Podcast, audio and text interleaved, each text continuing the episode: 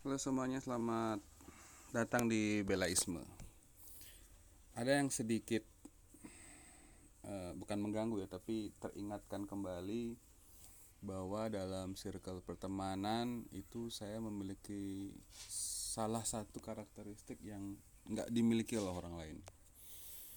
Mungkin teman-teman yang kenal saya itu uh, melihat yang paling gampang itu dari cara berpakaian Oke, kita breakdown dulu.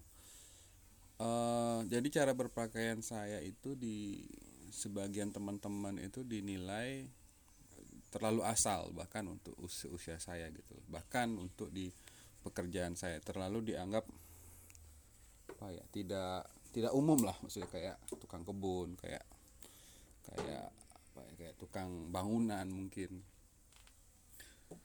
Dan jawaban saya adalah bahwa itu semua disengaja.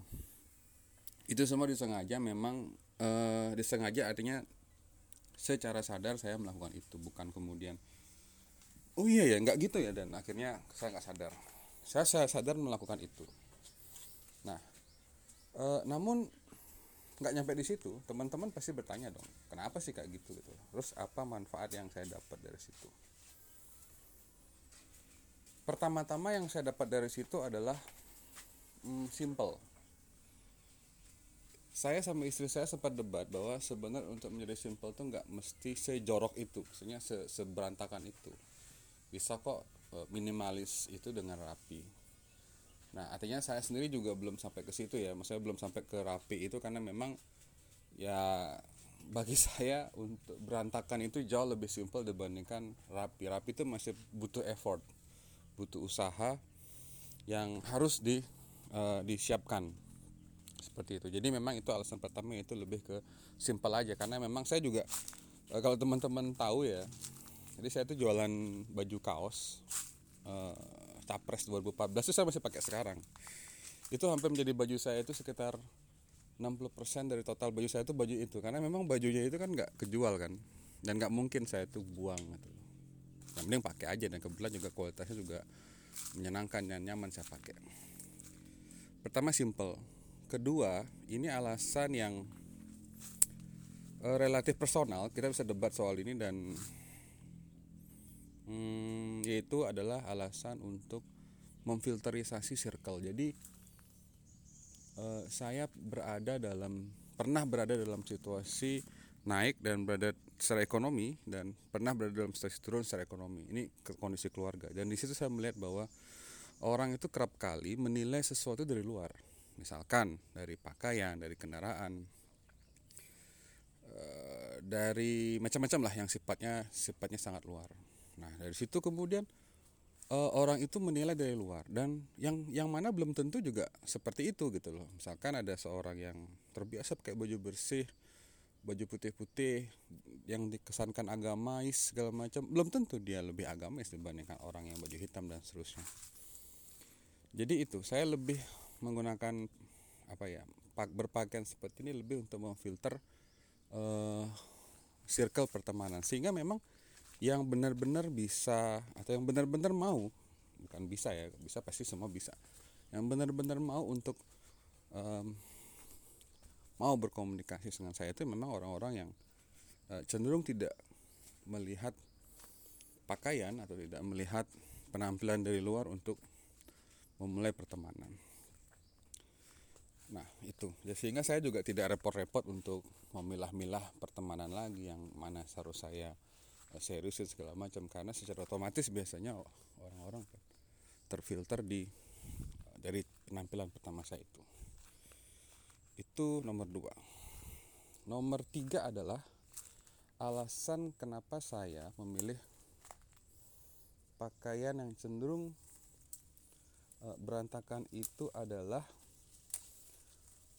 agar uh, saya tidak memiliki celah untuk uh, diekspektasikan lebih tinggi.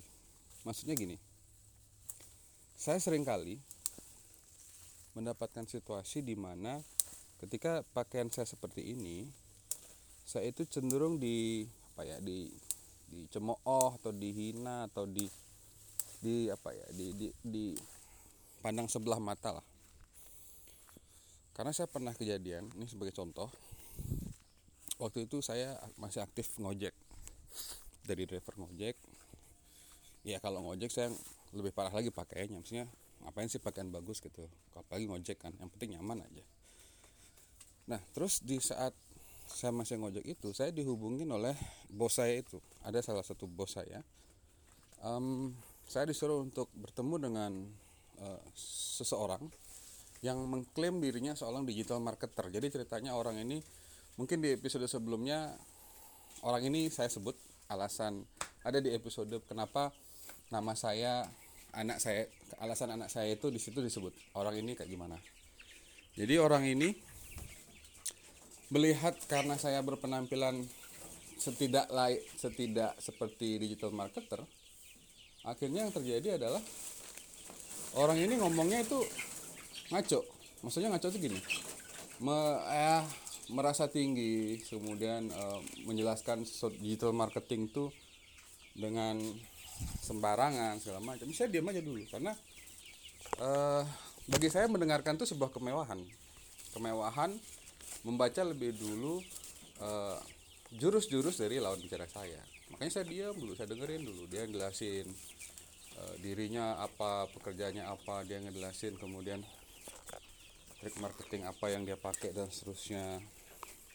Dan kira-kira dia menjelaskan waktu itu tentang uh, bagaimana dia berhasil dalam beberapa campaign campaign segala macam campaign campaign digital politik itu dia berhasil dan saya diam sampai kemudian udah udah satu zaman itu dia cerita saya tanya dengan pertanyaan yang paling sederhana dalam konsep digital marketing pertanyaan saya gini Oke, kamu ngerjain itu yang kamu ceritakan sama saya. Terus saya tanya, apakah uh, ukuran konversi elektoral dari uh, digital campaign yang kamu pernah lakukan? Apakah impresi? Apakah engagement? Apakah uh, yang lain? Apakah itu memiliki uh, pengaruh secara positif terhadap tingkat pemilihan dari orang tersebut. Ini kalau orang digital marketing dan orang politik paham, pasti paham maksud saya. Di situlah kemudian dia tidak bisa menjawab pertanyaan saya dan saya ketawa aja. Nah, dari cerita itu kan sebenarnya sudah kebaca bahwa ada banyak sekali orang di sekitar kita itu biasanya omong doang. Dia hanya berbicara aja tapi tanpa dibarengi dengan kemampuan yang memang benar-benar dia miliki. Nah itulah alasan ketiga yang membuat saya itu seneng gitu loh berpakaian yang bahkan bagi sebagian orang tidak layak gitu loh. Ya karena itu karena orang akan meremehkan kita dan ketika orang meremehkan kita orang akan lupa bahwa ada hal yang uh, mungkin uh, dia ngerasa saya nggak tahu tapi saya tahu dia akhirnya kejebak dengan omongannya sendiri. Nah dari situlah kemudian uh, dia panik lah. Kok tahu gitu loh tentang bahasa-bahasa digital marketing kok paham? Ya saya bilang ya jelasin saya tugasnya kerjanya begini. Kemudian di situlah kemudian semua kartu semua portofolio yang saya pernah bikin itu saya buka dan orang itu cuma diem. Dia kalau istilah juru silat itu dia hanyalah menghindar. Mencoba menangkis pun tidak dia hanya menghindar. Saya kejar omongannya ke timur dia ke barat gitu aja terus sampai ya saya pribadi bisa menilai bahwa orang ini cuma ngomong doang gitu. ya itu. Bayangin kalau misalkan saya tuh pakai pakaian yang bagus misalnya atau pakaian yang representatif atau mungkin bawa uh, MacBook misalkan tiba-tiba. Tentu orang itu akan tidak segegabah itu. Tentu orang itu tidak akan meremehkan. Ketika dia tidak meremehkan tentu dia akan berhati-hati. Nah justru ketika malah justru ketika saya berpakaian seperti tidak digital marketing dia tidak berhati-hati dengan apa yang dia ucapkan dan dia menunjukkan justru kelemahannya dia yang dia tutupin dengan kebohongan yang berbeda. Nah itu. Secara otomatis kita menang dalam dalam diskusi itu. Meskipun dia juga secara kotor menggunakan pendekatan-pendekatan uh, apa ya pendekatan kekuatan yang lain lah untuk menggolkan uh, tujuan dari uh, proposal dan penawarannya dia itu. Jadi itu um, paling tidak ada tiga ya alasan kenapa saya lebih memilih berpakaian yang minimalis bahkan cenderung tidak layak. Tidak layak itu kayak tukang kebun. Bahkan ke kantor. Um, saya rasa tiga hal itu aja. Terus muncul pertanyaan terus sampai kapan seperti ini?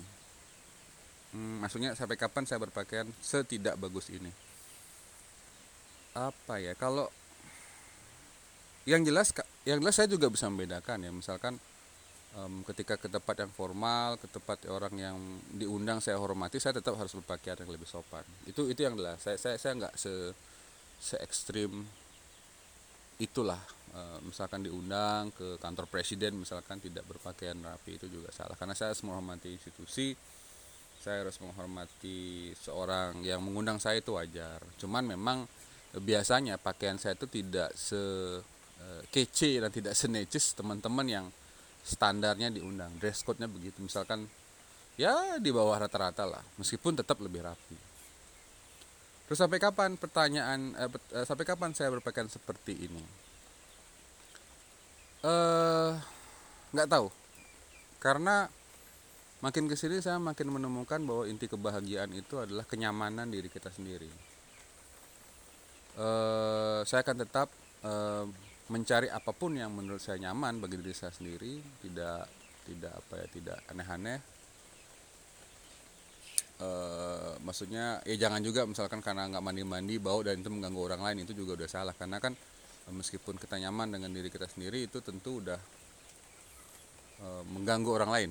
Sampai situ aja batasnya bahwa kita jangan sampai kenyamanan kita ini mengganggu orang lain. Misalkan nggak mandi 10 hari gitu. Jadi kan kasihan orang lain mungkin Eh, mendekati kita juga nggak enak. Jadi itu sampai kapan ya? Ya sampai kemudian saya rasa ini tidak lagi bahagia dengan cara seperti ini. Kalau menurut saya sampai akhir hayat saya bahagia seperti ini ya akan seperti ini. Karena yang saya cari itu selalu inti kebahagiaan. Apa pun yang kita pilih itu harus uh, berdasarkan pada inti kebahagiaan kita sendiri. Oke itu dulu untuk uh, podcast kali ini tentang bagaimana alasan-alasan saya kenapa berpakaian yang tidak di bawah rata-rata lah. Sampai jumpa.